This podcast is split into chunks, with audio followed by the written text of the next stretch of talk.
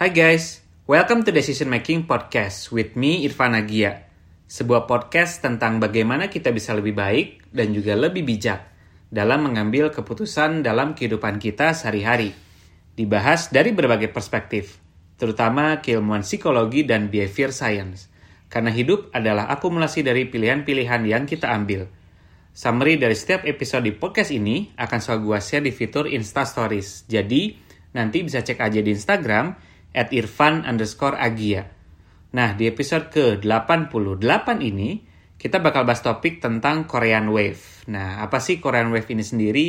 Dan menurut gua ini pasti adalah topik yang teman-teman udah sangat familiar gitu ya, baik dari diskusi sehari-hari, kemudian juga lihat di sosial media, ataupun bahkan teman-teman sendiri yang memang uh, menyukai segala hal yang berbau uh, dengan Korea ya, baik itu dari sisi kulturnya, kemudian dari segi apa uh, travelingnya, tourismnya atau dari uh, musiknya atau K-pop atau juga dari sisi dramanya. Jadi kalau bisa dibilang mungkin uh, aku nggak tahu ya apakah ini udah dalam beberapa 10 tahun terakhir atau lima tahun terakhir, tapi yang pasti adalah Korean Wave ini tuh udah menjadi bisa dibilang global phenomenon lah istilahnya di mana industri-industri Korea baik itu entertainment gitu ya. Terutama entertainment sih ya.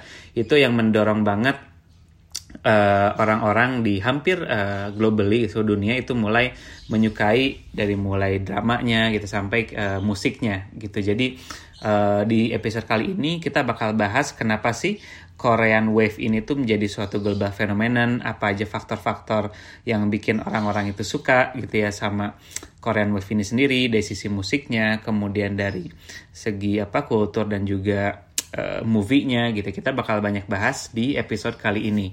Nah jadi gue juga yakin teman-teman yang ngedenger ini uh, beberapa atau mungkin hampir semuanya gitu ya pasti uh, menyukai atau pernah lah nonton gitu istilahnya film-film Korea baik itu dari sisi drama atau mungkin di bioskop atau juga yang pasti musiknya gitu ya. Jadi uh, ini udah sangat dekat ya istilah dengan kehidupan sehari-hari bahkan kalau kita ngumpul keluarga gitu atau kita hangout diskusi sama teman-teman gitu ada aja pasti yang uh, bisa dibahas gitu ya dari dari apa topik uh, Korea ini sendiri gitu. Nah gue sendiri pun juga uh, ngikutin beberapa uh, K-movie-nya atau dramanya ya karena memang uh, banyak yang bagus ya uh, secara drama storytellingnya. Gue juga banyak belajar tentang kultur Korea dari movie tersebut. So I think it's a refreshing lah istilahnya dibandingkan mungkin genre-genre uh, yang berbeda dari sisi western gitu ya, atau mungkin dari uh, industri tanah air juga. Si Korean drama ini atau movie ini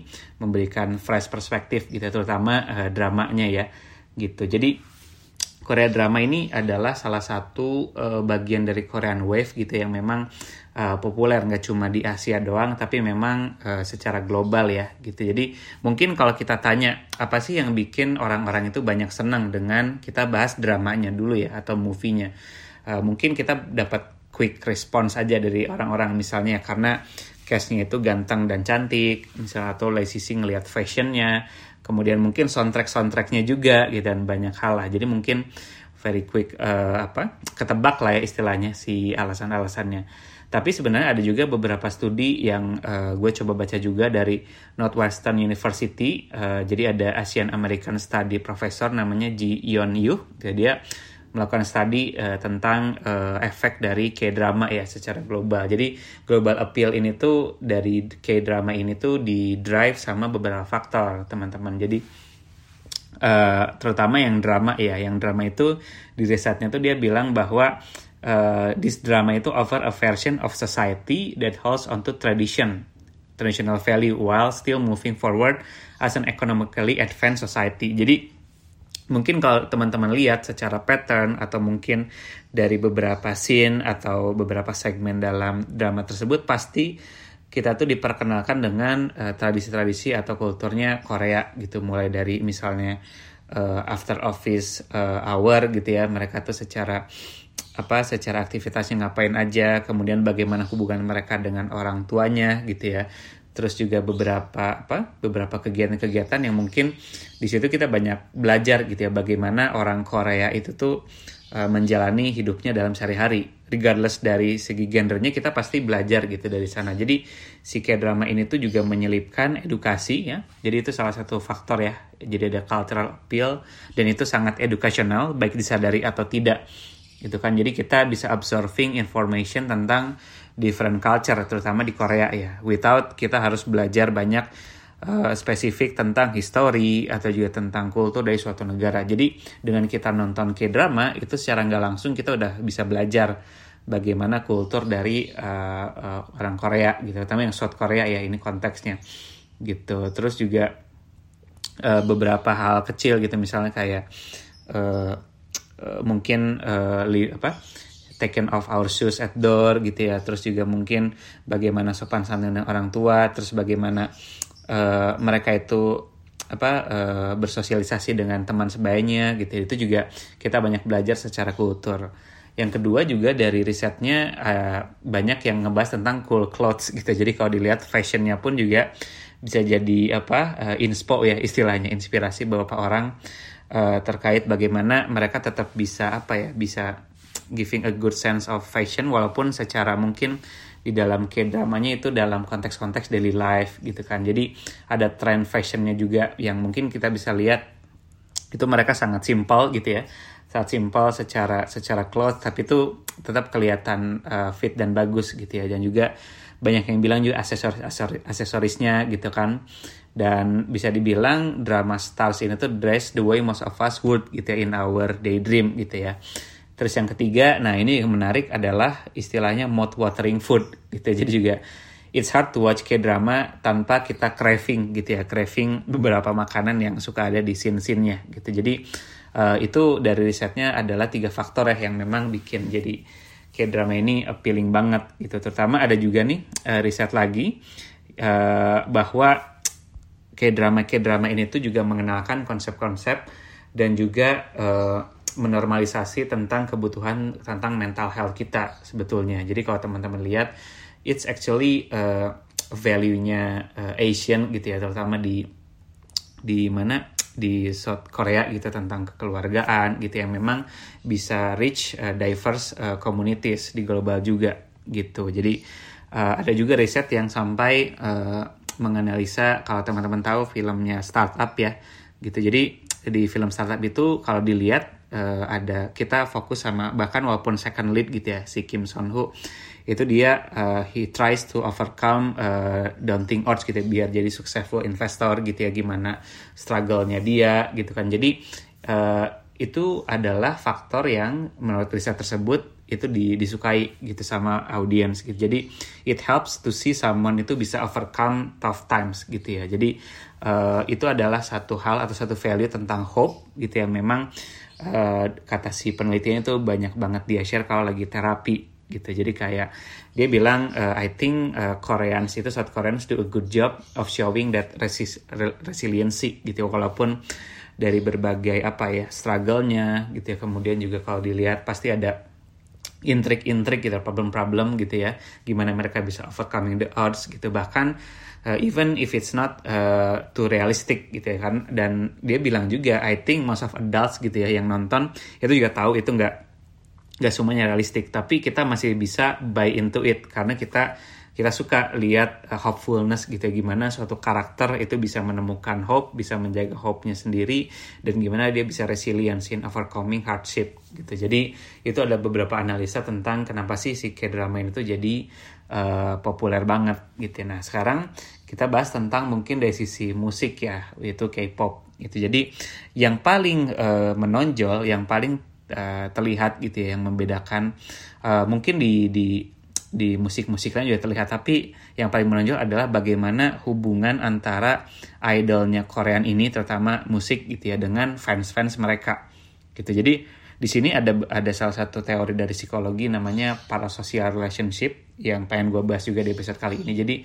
kenapa sih kita tuh bahkan walaupun nggak kenal gitu ya nggak kenal secara langsung dan kita tahu juga uh, si idol kita tuh nggak kenal sama kita lah istilahnya. Kenapa kita tuh ngerasa kita tuh bisa dekat gitu ya punya punya semacam one sided relationship lah dengan favorit selebritis kita gitu. Jadi memang kalau dilihat itu kesuksesan dari K-pop gitu dari boy band boy bandnya atau girl bandnya gitu itu memang di driven secara major itu sama komitmen dan juga intensity dari fanbase-nya uh, mereka gitu. jadi gue juga sempat baca artikel-artikel di Vice ya itu menarik ada yang coba deep dive tentang gimana sih uh, Korean music industry itu tuh mencoba membuat struktur yang bisa bikin fans-fansnya tuh sangat dekat gitu ya dengan uh, tanda kutip ya quote unquote dekat dengan uh, idol mereka gitu. Nah, jadi ini ada satu fenomena namanya parasocial relationship. Ini ada teori psikologi tentang fenomena yang terjadi ketika ada satu one sided relationship. Jadi hubungan satu arah, istilah hubungan satu arah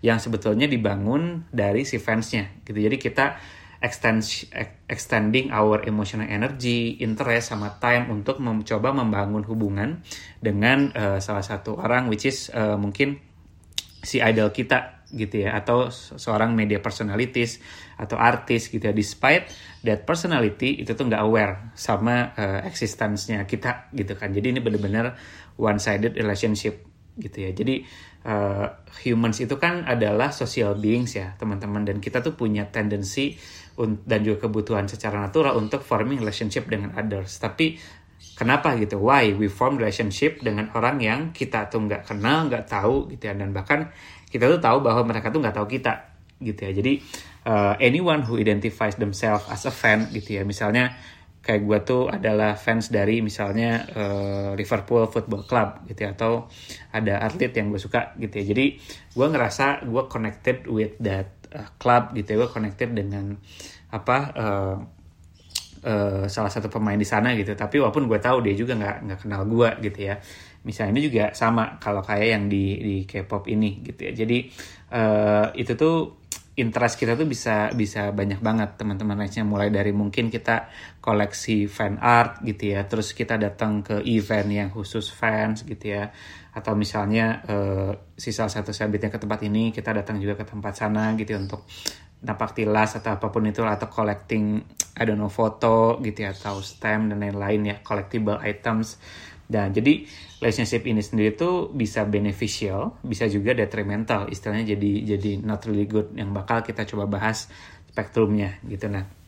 Salah satu contoh yang pengen gue sorot juga adalah uh, salah satu good case tadinya adalah uh, eh, BTS ya teman-teman. Siapa sih yang nggak tahu BTS ya uh, sekarang gitu apalagi banyak udah banyak brand di Indonesia uh, yang itu apa bikin relationship juga secara apa secara partnership ya brand partnership sama mereka. Jadi dari awareness itu terutama di Indonesian market juga udah cukup besar ya penetrasinya. Jadi yang bisa bikin si BTS ini juga dekat dengan army-nya ya. Army ini tuh kayak uh, fansnya lah ya kognitif fansnya itu kalau dilihat sebenarnya mereka tuh sharing the snippets of their daily life gitu ya. Dari baik dari vlog gitu ya. Misalnya ada run BTS gitu ya. Terus live stream lewat V live atau sekarang bahkan mereka udah punya apa Instagramnya masing-masing gitu sosial media post gitu. Nah nah dengan mereka tuh bisa sharing bahkan uh, apa ya backstage activity gitu ya. Mungkin bener-bener nyeritain dulu struggle mereka gimana gitu. Jadi itu juga bisa bikin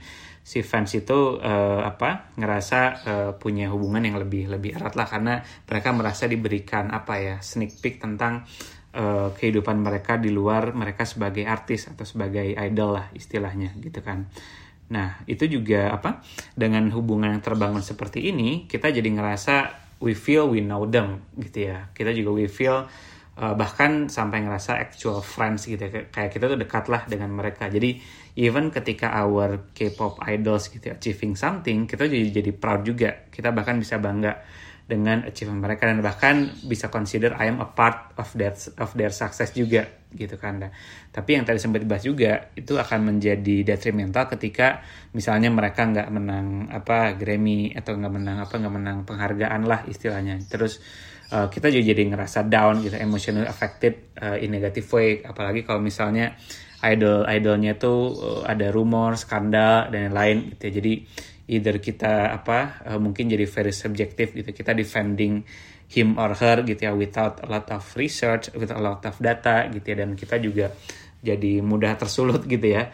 Uh, ketika ada konflik mudah sad mudah angry itu salah satu contoh yang kalau kita udah terlalu apa attach gitu ya dalam para social relationship ini bisa jadi buruk juga buat kita gitu. Nah ini memang ada stage-nya ya teman-teman, ada stage-nya di para sosial ini. Jadi kayak yang pertama itu ada istilahnya namanya entertainment social, yang kedua adalah intense personal, dan yang ketiga itu adalah borderline pathological. Jadi ada tiga step dalam para social relationship ini. Jadi sebenarnya ketika stage-nya itu stage awal, the first gitu ya, itu masih oke okay lah ya secara secara apa uh, mental health karena ini memang uh, exist only for entertainment purpose gitu. Jadi ya udah kita uh, misal fangirling gitu ya atau apa senanglah sama sama satu satu member of the idol atau the boy band itself atau girl bandnya gitu ya. Jadi exist only for entertainment purpose gitu ya. Terus yang kedua adalah ketika udah mulai lebih intens kita udah mulai forming emotional relationship gitu ya. Para social relationship ya kepada idols ketiga. Dan yang ketiga ini yang uh, udah lebih parah lagi gitu ya jadi udah lebih, udah keluar uh, cross the line itu ketika kita over identify dengan mereka gitu ya. Jadi uh, mungkin the first stage itu nggak masalah gitu ya. Dan kalau yang udah sampai stage ketiga, ini kita bisa uh, resikonya bisa jadi sampai obses ya teman-teman obses dengan uh, idol idol idol kita dan bahkan kita nggak bisa differentiate realita sama fantasi. Jadi bahkan kalau teman-teman lihat ketika ada komen-komen yang udah iya ini apa uh, benar-benar udah ngerasa bahkan memiliki gitu ya kita merasa memiliki si idol tersebut dan orang lain tuh nggak boleh gitu nggak boleh misalnya uh, apa uh, say good things about him atau her atau jadi kebawa cemburu misal padahal ya kita, padahal mungkin ya dia nggak nggak tahu kita juga gitu ya. nama juga one sided relationship gitu. tapi kita over identify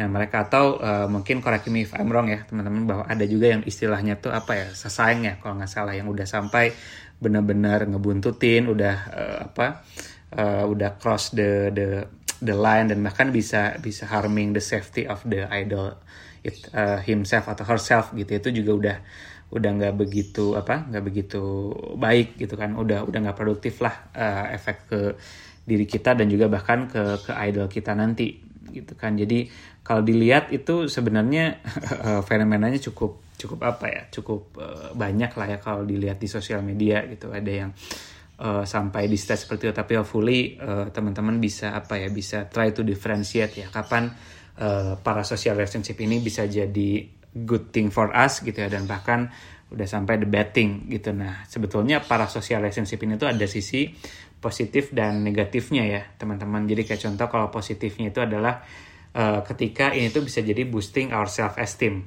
gitu kan. Jadi ketika uh, justru dengan kita apa menjadi bagian dari dari fan club gitu ya, atau suatu komunitas yang apa yang supporting lah istilah supporting the our idol gitu ya, atau the the boy band atau girl band itu juga sebenarnya memberikan ruang kita untuk uh, relationship baru pertemanan baru dengan uh, komunitasnya gitu. Jadi nggak nggak sedikit juga ya teman-teman yang ngerasa jadi punya banyak teman baru gitu yang ngerasa belongs to that community bisa punya platform untuk apa sharing ya berkeluh kesah atau bisa bisa curhat bisa sharing the same interest with others gitu kan. Itu juga uh, adalah salah satu aspek positif ya gitu. Karena ketika mungkin kita tidak tidak connected secara langsung dengan si idol kita tapi kita juga bisa connected secara langsung dengan uh, in the community jadi ketika komunitasnya tuh apa ya uh, supportive gitu yang supporting each other itu juga bisa memberikan dampak positif jadi apalagi Uh, itu yang pertama. Yang kedua, apalagi kalau si idolsnya itu bisa literally inspire us gitu ya. So,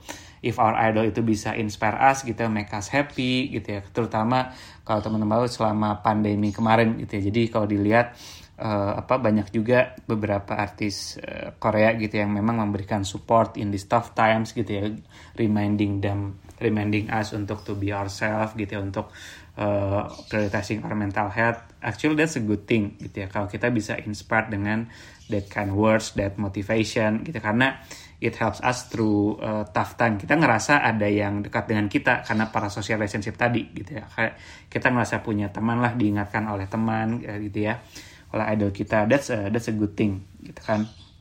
Terus juga apa uh, ini juga bisa dibilang ada ada yang menarik juga. Ini mungkin salah satu konteksnya di luar di luar apa ya di luar uh, K-pop ya. Tapi I think ini salah satu case study yang menarik. Kalau teman-teman tahu ada pemain bola Liverpool ya namanya tuh Muhammad Salah gitu. Jadi uh, Mo Salah ini kan secara apa secara agama itu kan dia muslim ya. Dan memang uh, at that time beberapa tahun lalu di UK terutama itu uh, apa ya cukup banyak beberapa case yang mungkin uh, berkaitan dengan uh, Islam gitu. Ya kayak orang-orang menganggap uh, Muslim itu orang-orang uh, Islam itu uh, ada ada negatif perception lah. Tapi ketika apa uh, Muhammad Salah itu ada di klub Liverpool gitu ya. Ternyata ada riset juga kalau teman-teman mau cari tahu itu yang sampai si Islamofobianya ini sini jadi menurun gitu ya. Case-case yang related dengan Islamofobia itu menurun karena dia jadi good role model yang juga menunjukkan juga ke non non muslim gitu ya bahwa uh, dia jadi jadi good role model di mana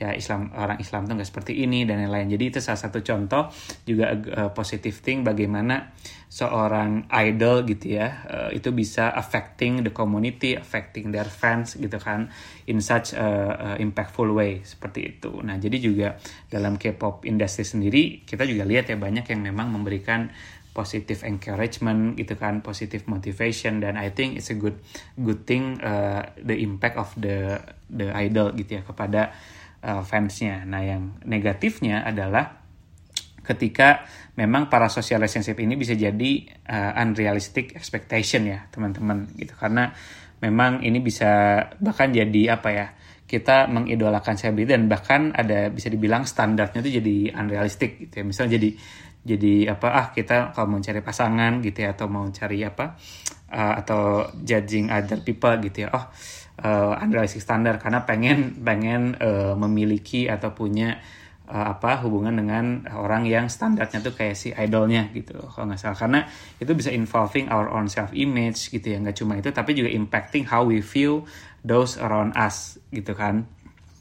Dan kita juga jadi lebih sensitif sama celebrity gossip gitu ya yang memang jadi impacting to our mood juga seperti itu. Jadi uh, itu adalah uh, beberapa hal yang positif dan negatif gitu ya dari para social relationship ini sendiri. Nah uh, para social relationship ini sendiri juga memang secara struktural itu dibangun banget sama Korean industri ini. Jadi inilah faktor utama yang menurut perspektif gue dan beberapa riset gitu ya bisa bikin ini jadi global phenomenon gitu. Karena kalau teman-teman lihat uh, terutama mungkin uh, karena gue ngikutinnya BTS gitu gue lihat uh, gue cukup surprise ketika banyak banget konten BTS itu yang memang uh, diproduce uh, untuk uh, engaging with their fans gitu dari mulai reality TV show gitu ya. Terus ya BTS gitu ya. Terus behind the scene clips dari video-video mereka. Kemudian di V Live, Weverse gitu kan, Twitter gitu. Dan juga sekarang apalagi di Instagram gitu. Jadi itu adalah beberapa apa ya activity yang memang secara struktural gitu disiapkan gitu oleh uh, oleh Korean industry gitu kan. Biar biar fansnya tuh ngerasa lebih emotional connected dengan mereka gitu kan. Dan memang kalau dilihat cukup uh, ada beberapa riset nunjukin K-pop idols itu memang known to constantly and actively interact gitu with their fan base gitu kan. Seperti itu. Jadi memang ketika bahkan secara struktural industrinya pun juga mendukung karena gue lupa uh, berapa numbersnya tapi kayak apa BTS itu I think it's uh, udah bukan boy band lagi I think it's a global brand gitu di mana itu impacting uh, very high gitu ya kepada pemasukannya gitu ya dari uh, negara Korea gitu ya. Jadi uh, gue lupa pokoknya ada ada risetnya yang memang mengkalkulasi kayak value dari dari mana dari boy band tersebut gitu ya untuk eh, GDP dan juga uh, Korean industry. Jadi memang disupport banget gitu promote juga secara secara apa secara by design gitu ya oleh negaranya. Jadi I think the support from the government, the support from the country, the support from the fans gitu dan bagaimana uh, Korean industry itu structuring their apa their industry itu adalah uh, kunci utama gitu yang memang bisa bikin uh, Korean industry ini jadi global phenomenon gitu ya.